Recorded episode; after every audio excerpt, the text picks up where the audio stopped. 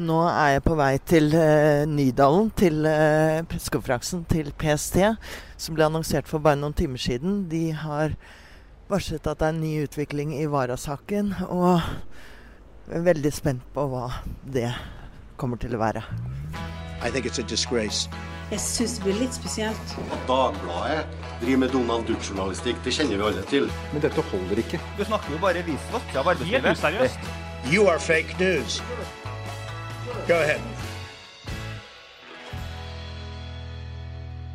Ja, Marie, dette ble jo ikke helt som vi uh, hadde tenkt. Uh, Nei, det var det uh, jammen ikke.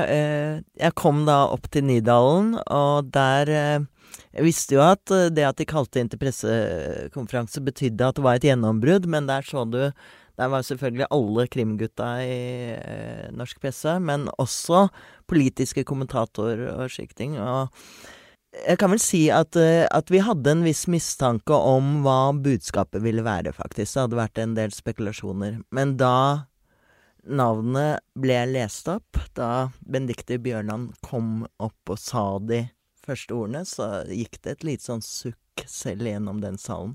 Men kanskje vi skal høre på den historiske åpningen som PST-sjefen kom med her? Vi, vi unner oss det. PST har i dag siktet justisministerens samboer Laila Anita Bertheussen for overtredelse av straffelovens paragraf 225 bokstav b for å ha foretatt noe som vekker mistanke om at en straffbar handling er begått uten at den er det. Siktelsen gjelder brannen som fant sted natt til søndag 10. mars i familiens bil som sto parkert på Bopel i Oslo. Vi mistenker at siktede selv har satt på brannen, og ved det gitt inntrykk av at brannen er påtent av én eller flere ukjente gjerningsmenn. Vi hørte jo eh, her eh, Benedicte Bjørnland, men, eh, men, statsministeren holdt jo også en pressekonferanse i dag hvor hun selv sa at hun hadde blitt gjort kjent med at det hadde gått rykter i, i pressekretser om at det var Varas samboer som sto bak disse eller, mm. I hvert fall dette angrepet, da, hvis mm. får, som det per nå ja. er under etterforskning. Hun er siktet for det ene branntilløpet natt til 10. 10. mars. Yes. Men, men hvorfor, eh, Marie, hvorfor gikk dette ryktet? Det var jo fordi at eh, Vi må huske på at det, det, har vært fem tilfeller, hele fem tilfeller, én i måneden omtrent, siden, eh, siden det første angrepet på Varas hus. Og dette var et alvorlig angrep på Norges justisminister. Statsministeren. Alle var veldig engasjert. Det har vært en voldsom debatt rundt det, oppmerksomhet rundt det. Folk snakker om at det er et angrep på demokratiet, og så lurte på Hvorfor finner ikke PST og politiet ut av dette her? Hvorfor har de ikke full overvåking? Altså, vi sammenlignet det med at hvis. For forsvarsministeren hadde hatt øh, fem angrep mot seg, så hadde de stilt fem tanks utenfor huset og, og hatt døgnovervåking, ikke sant? Det virket jo veldig merkelig at dette kunne skje igjen og igjen uten at PST og politiet fant ut av det. Og så eh, Og det virket jo også litt sånn amatørmessig. Eh, hvis man, eh, man hadde jo mistanke om at det var både høyreekstremister og venstreekstremister, men, men de klarte jo ikke engang å tenne på en bil, og det virket uh, mye som var rart der. Og så leste man litt mellom linjene også på hva politiet og uh, altså PST sa etter hvert, og da var jo de veldig understreket at de hadde liksom ingen spor. Og så sa de også at vedkommende må ha hatt veldig flaks. Altså, det ja. ja. ja. Og så var det jo dette med eh, at det var eh, plutselig at kameraene Det var kameraovervåking, men de hadde sviktet, og så videre. Så, så det var eh, i det hele tatt eh, litt eh, Litt et eh, stort mysterium hvem som kunne ha gjort, gjort dette her. Og en annen grunn til at mistanken kanskje falt på samboeren, var jo at hun hadde en veldig litt sånn rar oppførsel i sosiale medier. Hun virket veldig interessert i å holde denne debatten og oppmerksomheten i hevd. Eh, hun var rundt omkring på Facebook og skrev innlegg og hadde utfall mot både medier og andre politikere hele tiden. Eh, så oppførselen hennes eh, var også litt eh, påfallende. Men likevel. Selv om dette da ryktet gikk, så var jo ikke dette noe vi vurderte å skrive noe sak eller lage noe podkast om. Fordi vi må, vi må jo forholde oss til det, saken Det, det liksom gjorde vi ikke. Det, vi hadde jo tvert imot nå planlagt og faktisk spilt inn en, eh, en podkast om eh, ekstremisme både til høyre og venstre, for det var jo den type debatter og Ja. fokus som denne saken har utløst, og det kan vi kanskje komme tilbake til, hvor skadelig dette har vært. Men, eh, men eh, vi har jo tenkt liksom at dette må ha vært en marerittsituasjon for PST. Eh, og hva gjør man, liksom? Kaller man inn eh, justisministerens samboer til et avhør? Mm. Eh, hva gjør man da når det lekker ut, osv. Så, videre. så det er, var jo en utrolig betent og vanskelig situasjon. Men det som har kommet frem, som er viktig å påpeke, er jo at eh, Tor Mikkel Wara har ikke vært involvert i dette her i det hele tatt. Mm. Selv om han er sjefen til Benedicte Bjørland, så har jo ikke de orientert han om dette her. Mm. Eh, Erna Solberg har heller ikke vært eh, orientert, og fikk fullstendig sjokk over dette her. Og Tor Mikkel Wara også, ifølge henne. Mm. Så, så dette har vært eh, De har klart å skille mellom, eh, mellom de forskjellige maktene her, i hvert fall. Det er beroligende. Men likevel, altså Det er jo en helt vanvittig sak. Det er altså Hvordan skal man forholde seg til dette? Det blir veldig vanskelig å Veldig vanskelig å diskutere det etterpå. Og allerede er debatten i gang. Er det en personlig tragedie? Eller hva er det for noe? Hva, hva tenker du om det? Folk blir jo eh, veldig sinte allerede over at noen sier at det er en personlig tragedie. Men jeg syns at det er helt åpenbart at dette er en personlig tragedie for familien Wara. Eh, og, at, og at man kan mene det, og si det.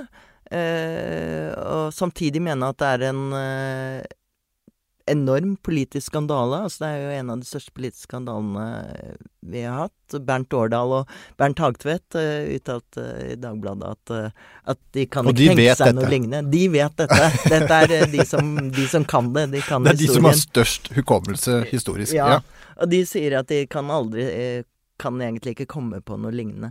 Og, så det, man kan mene det. Man kan også mene at dette har påført stor politisk skade. Mm. Eh, stor skade på tilliten i samfunnet.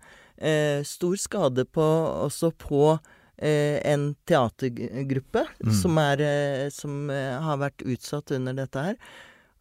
Og likevel si at det er en personlig tragedie, mener Mm. jeg. Og det er eh, eh, Jeg ser at eh, folk er litt opphisset i sosiale medier over dette her, og jeg ser poenget med at man eh, straks det er samfunnstopper som gjør noe kriminelt, så liksom sier man, kaller man det en personlig tragedie, mens andre som gjør kriminelle ting, det er, det er liksom Annet kan man ikke vente. Mm. Eh, men eh, det går jo an å Denne saken er såpass spesiell at den åpner for nye løsninger og nye måter å forholde man kan, seg man kan jo mene at alle som eh, De fleste som begår kriminelle, kriminelle handlinger, har også et personlig aspekt ved seg. Mm, mm. Ja, ikke sant. At det er, det er en personlig tragedie, men den har samtidig så alvorlige konsekvenser at det er umulig å ikke liksom snakke om det. Vi kan ikke bare la det ligge. Det må også bli en del av drøftelsen. Nei, det er jo helt, helt sentralt her. Altså, det som er forferdelig å tenke på, er eh, ja, vi må nesten kanskje snakke litt om det teaterstykket som Det var det som er- dette her. Altså teaterproduksjonen 'Ways of Seeing' som ble satt opp på eh, Black Box.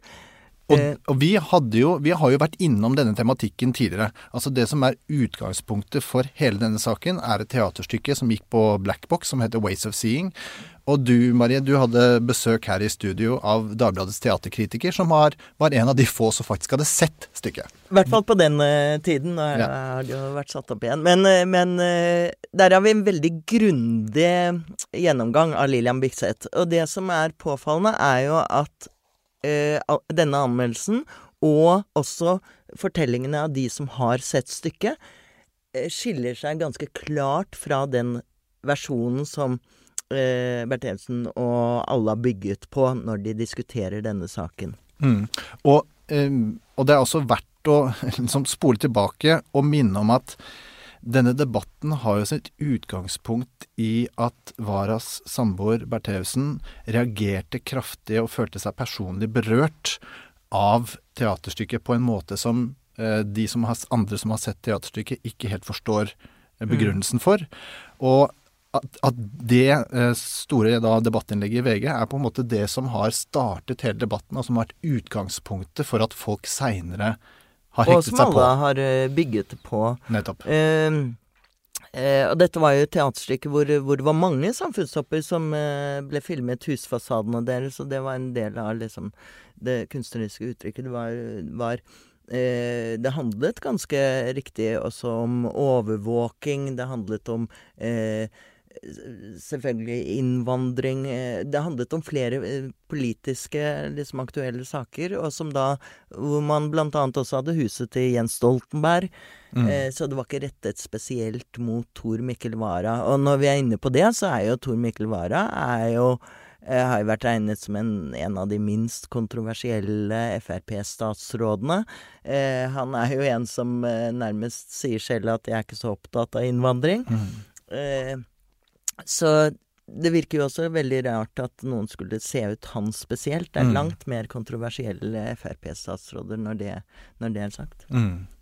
Så det, det har jo også vært noe som har vært underlig i hele den prosessen her. At eh, det har vært så atypisk at han skulle være gjenstand for den, for den, type, den type kritikk.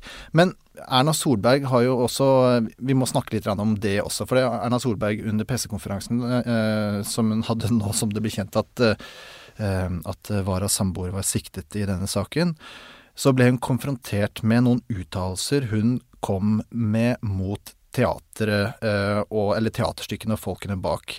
Eh, hun sa det at de som sto bak stykket, måtte tenke på eh, hvordan det ville kunne påvirke eller gjøre det vanskelig for politikere å utsette dem for eh, den type nærgående ja, ja, Ja, altså Hun hadde jo, hadde jo en pressekonferanse hvor hun snakket om dette i går, hvor hun kritiserte rett ut. Og så gjentok hun faktisk det under pressekonferansen i dag, da hun visste eh, at det var Bertheussen som sto bak. At hun mente fortsatt at det var eh, en invaderende handling å filme disse, disse husene, som Men- jeg syns er litt eh, Men når hele utgangspunktet for debatten er Bertheussen sin deb debattinnlegg i VG, og når hele debatten og, eh, er bygget på det, og hvis det viser seg at Bertheussen selv har liksom eskalert hele denne saken på en helt sånn Ja, så faller jo dette Så faller jo det. Ja, altså Burde dette- Solberg be om beklagelse? Jeg, eh, jeg syns jo at hun kanskje skulle sagt at eh, det hun I hvert fall det hun pleier å si. Jeg burde ikke brukt akkurat de ordene. Eh, men eh, det som er eh, Erna Solberg må jo også se hva som har skjedd der som har vært skadelig, og som da eh, samboeren til hennes justisminister har bidratt til, eh, og ikke oppklart. Og det er jo at man har skapt en eh, Bidratt til økt polarisering. Det er eh, alternative medier som HRS, dokument.no, Resett har brukt dette for alt det er verdt, til å antyde en slags sånn at det fins en venstrefascistisk eh, ekstremister der ute som har, har stått bak disse handlingene. Eh, og det har man selvfølgelig eh, på høyresiden vært glad for, fordi at det alltid er høyreekstremister som blir eh, hengt ut. PST har jo skrevet eh, nylig gitt ut et helt dokument om faren fra høyreekstremister. Så det utløste en voldsom sånn mistenksomhet. Mye hattsjikane eh, mellom de forskjellige grupperinger, som bidro til også vil jeg si, gravende gravne ytterligere tilliten mellom, eh, mellom folk. Så Ja, det er ganske alvorlig. For det, det er jo vært uh, forbausende å se det at um, samtidig som Vara har jo mottatt uh, utrolig mye støtte. Uh, han har fått varme ord og omsorg fra både politiske venner og motstandere. Uh, I Stortinget på onsdag så var det nesten altså alle som gikk opp på talerstolen i forbindelse med at Vara var der, uttrykte sin sympati med Vara og de truslene han var utsatt for. Så det har på, på samme tid liksom mm, vist en sånn slags samling og, og, og, en, og han hegner om eh, demokratiet og eh, tar avstand fra den type trusler, som er noe vi ikke kan leve med. Og samtidig så har det også da gitt grobunn for konspirasjonsteorier, for eh, eh, for, eh, for mistenkeliggjøring. Eh, og disse to tingene samtidig har jo på en måte gjort at denne saken har vært veldig, veldig veldig vanskelig å forholde seg til for offentligheten, samtidig som politiet har hatt så lite, så lite kunnskap om det. Det er jo en slags sånn false flag-operasjon, som, som, ekstremister vil jo selvfølgelig like at denne tanken, konspirasjonsteorien, liksom fester seg lite grann. Mm. At man ikke skal ha tillit til at det som skjer, er riktig. Eh, og jeg tenker at ved det Hvis det er slik at hun har gjort dette her Hun er jo siktet, bare mm. ikke dømt for dette her, så vi skal understreke det. Så bidrar jo det også til at man mister tillit til hvis noe slikt skulle skje i fremtiden. Er det egentlig dette som skjer? Eh, hvem ligger bak? Er det noe annet som eh, står bak enn en det vi ser? Eh, og det er jo i et samfunn som Norge, hvor vi har vært litt sånn forskånet fra den mm. type mistenksomhet. Der eh, riktignok en del grupperinger er som, som eh, gjerne skulle sett at vi mister tillit til hverandre, og, mm. sår eh, eh, mistenksomhet og konspirasjoner om både det ene og det andre. Og vi i mainstream media selvfølgelig er, mm. er et, et, mål for det. Eh, så har vi likevel vært litt mer forskånet for det enn vi har sett f.eks. i Sverige. Og noe av det, liksom, det forvirrende med det også, eh, oppi det hele, er jo hvordan Bertheussen selv har opptrådt, og hvordan hun selv på en måte har holdt saken varm og pisket opp. Altså Bare for å lese opp én ting som hun har skrevet på sosiale medier mm. nå de siste, i forbindelse med denne saken. altså hun skrev at alle disse konspirasjonsteoriene og løgnene er en ekstra stor belastning, i tillegg til all terroren vi utsettes for. Mm. Hva skal man si? Det er Ja, og det er jo da det er da kanskje man bruker dette personlige mm. tragedie som en eufemisme for at man ikke er vel bevart. Fordi mm. at uh, dette er jo Altså her, Hvis det er slik at det er hun som har gjort det, og så likevel går hun ut og anklager eh, media for å spre konspirasjonsteorier Det vi eh, må huske også i, når vi snakker om dette her, er jo at denne teatergruppen, som er en bitte liten gruppe, eh, og øh, bestående av bl.a. Uh, minoritetsskuespillere, eh, har vært utsatt for et enormt press, en mm. enorm sjikane. Og kanskje det groveste overtrampet var jo nettopp det vi snakket om, med når statsministeren i Norge går ut og hever pekefingeren på dem og mm. sier liksom Pass på. Dere, pass på. Eh, da er det klart at det eh, bidrar til ytterligere, ytterligere press på dem. De har vært utsatt for trusler og slike ting, så jeg skjønner godt at de har vært uh, oppgitt og ikke er så veldig har så veldig sympati. Men likevel, da. Altså, dette er en utrolig sak. Det har svekket, helt klart svekket tilliten, satt samfunnet på en enorm prøve.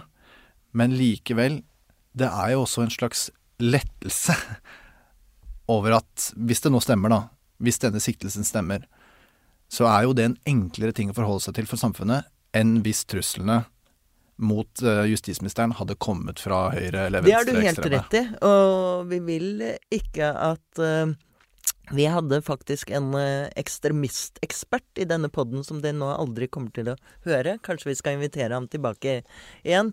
Men han sa jo nettopp Snakket om, snakket om at høyreekstremistiske grupper kjenner vi jo til. Nordisk motstandsbevegelse, blant annet. Eh, mens han mente at også på venstresiden var det tegn til at de også organiserte seg bedre og hadde voldelige, voldelige kjennetegn. Så vi skal være veldig glad for at, uh, for at, vi, at det ikke var det som var tilfellet denne gangen.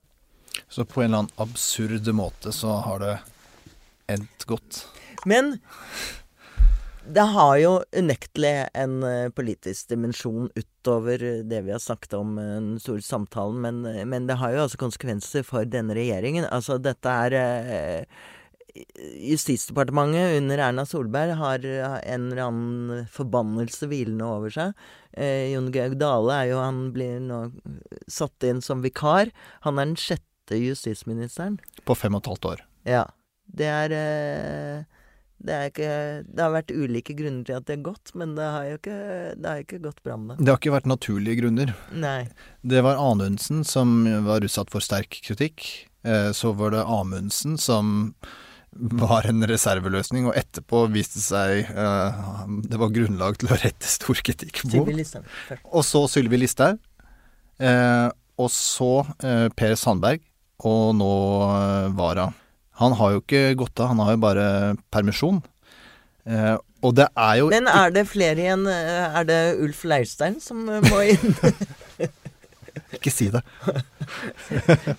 For det er vel Frp som skal ha justisministeren igjen? Har de Det er jo Dale, selvfølgelig. Han kan jo etter hvert besette nesten alle, alle Mm. de forskjellige statsrådpostene. Men, men i tillegg til at dette, dette er vanskelig for, for regjeringen og for Solberg i og med at hun stadig mister justisminister, at det på en måte ikke blir eh, Altså, de har jo politiske problemer. De har en politireform som de ikke klarer å få skikk på. Um, men i tillegg til det så er det jo en dimensjon ved Altså en Frp-dimensjon av dette. Eh, at Vara har jo vært Siv Jensens um, nære støttespiller i mange år. Eh, han var hennes uh, rådgiver, uh, en av de, hennes mest fortrolige politiske samtalepartnere, også før han ble justisminister. Han uh, ha, har en posisjon og respekt i partiet. Eh, til tross for, ikke til tross for, da, men samtidig som han representerer Til tross liksom, for at han ikke er opptatt av innvandring. ja, eller til tross for Eller liksom, samtidig som han er liksom den regjeringsvennlige fløyen i Frp. De som ser større verdi i å være i regjeringskontorene enn å lage Mm. politikk Mm. med utspill i Stortinget. Så for Siv Jensen så er dette her veldig vanskelig, på toppen av at det er et parti som er Men smertes, nedlesset Men smerteskriket oppe i Nydalen, hvor da PST og Justisdepartementet ligger, må jo ha vært, eh, vært jeg syns vi hørte det her nede. Ja, du kunne høre det nesten ned hit. Altså, her skal de få enda en justisminister som eh, Jo, noen av de må vi si eh, kanskje har vært litt voksenopplæring også, når det gjelder dette Ja. her. Men hvordan skal vi avrunde dette her, da? Det, her er, det har jo vært Nei, en nasjonal farse. Vi må jo igjen understreke at dette er en slags sånn ekstra rykende fersk eh, podsending. Og siden dette er en sak under utvikling, så tror jeg det er viktig å understreke at denne ble spilt inn torsdag kveld. Eh, noen timer etter at nyheten eh, sprakk. Og det er mulig at det allerede har skjedd nye ting innen, eh, innen dere hører på dette her, så da får dere ha det i bakhodet. Men vi ønsker jo alltid å gi dere så eh, ferske podder som mulig, i hvert fall. Selvfølgelig. Ja. Det er det vi lever for. Ja, Og verden må til og med gå videre. Vi har jo flere innslag i denne podkasten. Så vi, vi skal rett og slett vi skal snakke om tog, og vi skal snakke om samrøre og litt av hvert. Heng med.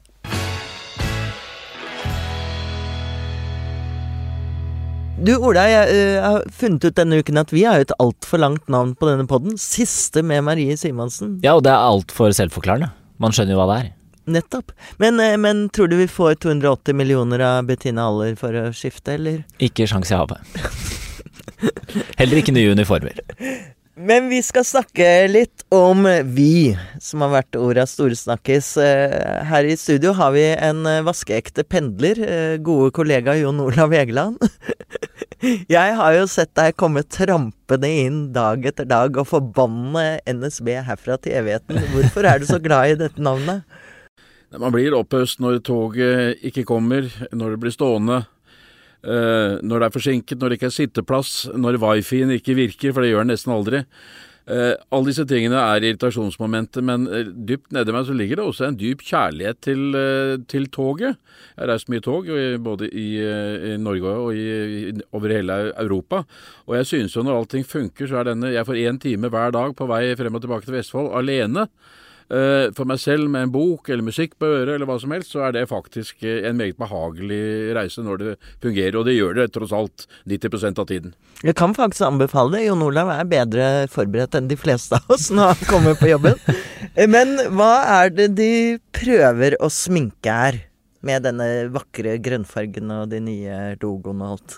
Ja, det, dette handler i bunn og grunn om jernbanereformen, som er en stor og kompleks uh, reform, og som vi er midt inne i, uh, uh, utføringen av. En meget dyr omkalfatring. Og meget omfattende, hvor det gamle NSB som vi kjente det, det ble jo først splittet i to. Vi fikk et vi, fikk et, vi har fått som nå heter Bane Nor, som har ansvaret altså for eh, infrastrukturen på skinner og for eh, stasjoner osv. Så, videre. så foregår det en videre eh, utdeling av eh, NSB er fratatt alt sitt materiell. Alle togene eies nå og skal eies av et eget selskap. Alt som heter vedlikehold skal eies eh, av et eget selskap, og eh, også eiendommen er da flyttet ut av NSB. Så det som er igjen i NSB, det er egentlig som formannen i Lokomotivmannsforbundet sa, det er at det er blitt et bemanningsselskap. Et svært et riktignok, med nærmere 10 000 ansatte, om jeg ikke husker feil. Eh, Men det er på en måte NSB er mye mer et skall i dag enn det, enn det det egentlig var, og det er det som er den politiske striden også. Og det skumle i NSB-ordet, eller navnet, er dette ordet stat, for det skal bort. Det er helt åpenbart det som uh, Altså alle, alle selskaper som har navnet stat i seg, er jo, er jo blitt uh, har fått nye navn. Uh, og det ligger jo i sakens natur her, fordi de første banene er nå eh, satt ut på anbud. Og det, er, de er blitt eh, på Sørlandsbanen, eller deler av Sørlandsbanen, så, så har man for eksempel, eh, eh, får man f.eks. et britisk selskap. Eh, På Bergensbanen er det til og med et kinesisk selskap som eh, med, vil være med i konkurransen. Slik at vi ser gradvis også at nye selskaper kommer inn. Og da er jo spørsmålet hva, eh, hva NSB kan makte å gjøre i denne situasjonen. Og Her går den politiske motsetning veldig enkelt. Skal vi ha en samlet, enhetlig jernbane med ett dominerende eh, jernbaneselskap, som da må være NSB, eller skal vi ha en, eh, en svært utbredt konkurransemodell? For det er litt annerledes. Altså, eh, de snakker om eh, jernbanen som om det er akkurat som et busselskap eller taxinæring eller noe sånt, men det er litt annerledes med en infrastruktur på skinner. Det er helt klart det. Hvis, når, det gjelder buss, så er det jo ingen problem å privatisere og konkurranseutsette det. Bussen kan gå overalt hvor det er veier. Jernbanen følger, som vi vet, trange spor. Og øh, de er få i Norge, og øh, de er ikke laget for øh, Begrenset ressurs. Meget begrenset ressurs, kan man si, og vi har heller ikke kapasitet til å øke f.eks. antall tog i noen særlig grad, særlig i områder rundt Oslo. Sånn at det vi vil se, i hvert fall hvis vi får konkurranse i Oslo-området, er på en måte mer at det blir nye farger på vognene, enn at, eh, enn at det blir f.eks. bedre sitteplass eller flere, flere togavganger. Men er det da problematisk at det er private selskaper som kommer inn og konkurrerer? Altså de vi, Det høres ut som de vi bør være sinte på, er jo staten som ikke bruker nok penger på jernbanenettet vårt. Ja, Det er jo selvfølgelig det hovedspørsmålet etter, etter, etter min oppfatning. Det er de manglende investeringene og det store etterslepet av vedlikehold. Men her trengs det meget store investeringer, eh, særlig rundt de store byene. Eh, hvor, hvor trafikken er sterkt økende over hele f.eks. Oslo-regionens videre utvikling, er avhengig av, et, av at jernbanenettet er moderne og oppdatert. Eh, Jeg er jo da et godt eksempel selv, som pendler fra, fra den kjente store stasjonen Skoppum i Vestfold. Eh, og, og, og det må man sette det er, det er liksom det som er det sentrale spørsmålet. Dernest så, så kan man vel si at eh, det er vel ikke noe ulykke om, om også andre enn NSB kjører tog, men vi vet også fra, fra de andre europeiske landene at de som har enhetlige systemer, eh, Tyskland, Sveits, Østerrike, dette er Frankrike, dette er, dette er de mest vellykkede jernbanelandene. Eh, så det må også telle med. Men vi har også, og for å gjøre dette ytterligere komplisert, et EU-direktiv i bånn. Og det er det som på en måte da har styrt eh, oss i den situasjonen vi er nå. For det, og Der er det også vedtatt eh, lover i Stortinget som, som gjør at, eh, at vi har en begrenset handlefrihet, med mindre vi sier legger ned veto mot dette direktivet. Ja, Det er interessant. Er vi nå på vei, tror du, inn i en ny uh, ACER-strid? Kan altså Vy-navnet nå ta oss inn i en ny, ny bølge av uh, EU-motstand? Jeg tror ikke at vi kommer til å se noe, nødvendigvis noe EU-motstand, men jeg tror vi kan få en ganske klar eh, politisk oppgjør i arbeiderbevegelsen og i Arbeiderpartiet om dette spørsmålet. Jeg skulle til å si det, altså det er jo Det føles jo kanskje litt rart når deler av opposisjonen nå står og retter fingeren så veldig mot denne regjeringen. Altså dette Denne reformen og denne utviklingen har jo pågått i mange år. Ja, men det de skal sies at uh, Senterpartiet og Arbeiderpartiet de ønsket seg en, en, en enhetlig utvikling av jernbanen. Jeg har akkurat gått gjennom komitémerknadene for å være sikker på at jeg sier det rett her. Uh, og de, de har betont uh, hele veien at NSB skulle være drivkraften oppi dette på en helt annen måte enn nåværende regjering. Så de har et annet syn. Spørsmålet er om de vil våge å ta det så langt at de sier at man skal bruke et veto overfor EU i denne saken. Og Det kommer selvfølgelig eh, det mer ytre venstre til, eh, til, til å kreve denne saken, og der ligger parallellen til ACER. Men det som i hvert fall er sant, er at dette lå i kortene lenge før ordet Vy kom på banen. Det var da først. Ja, jeg er veldig forbauset over at uh, ikke dette har blitt et større politisk spørsmål tidligere. Uh, det har vært under utvikling, det har boblet litt og gjæret. Men med, uh, med selve firmabunaden, altså designet som det heter på fint, så kommer dette til overflaten, og, og, vi ser jo hvor mye følelser det er knyttet til, til, dette spørsmålet. Og da skal vi ikke engang gå inn på hvordan disse uniformene er sexistiske og tradisjonelle. Det skal vi ta opp en annen gang. Takk for at du kom, pendler Jon.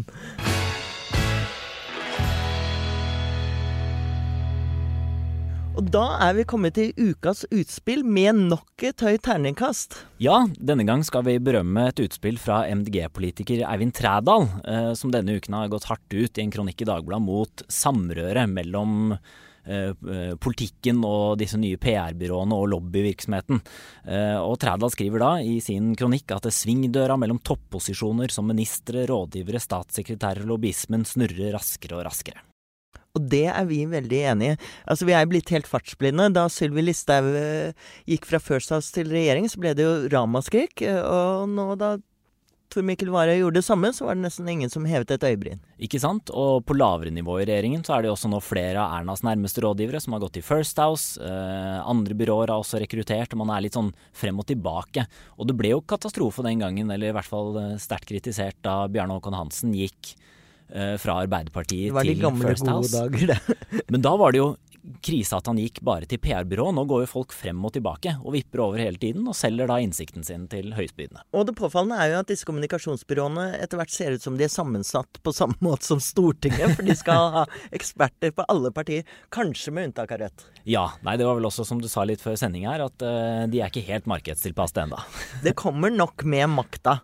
Ja, uh, Eivind uh, Trædal får da terningkast fem fra oss, uh, fordi han etterlyser en, altså en mer prinsipiell debatt da, mellom samrøret, og den fortjener et større publikum, mener vi, og det, det må støttes. Terningkast fem. Flott. Da er vi kommet til veis ende ved denne podden med det altfor lange navnet. Siste med Marie Simonsen og program... Eller produsenten med det altfor lange navnet, Ola Magnussen Rydje. Jeg skal bare kalle deg Ola heretter. Gå inn på Facebook, lik oss og rate oss.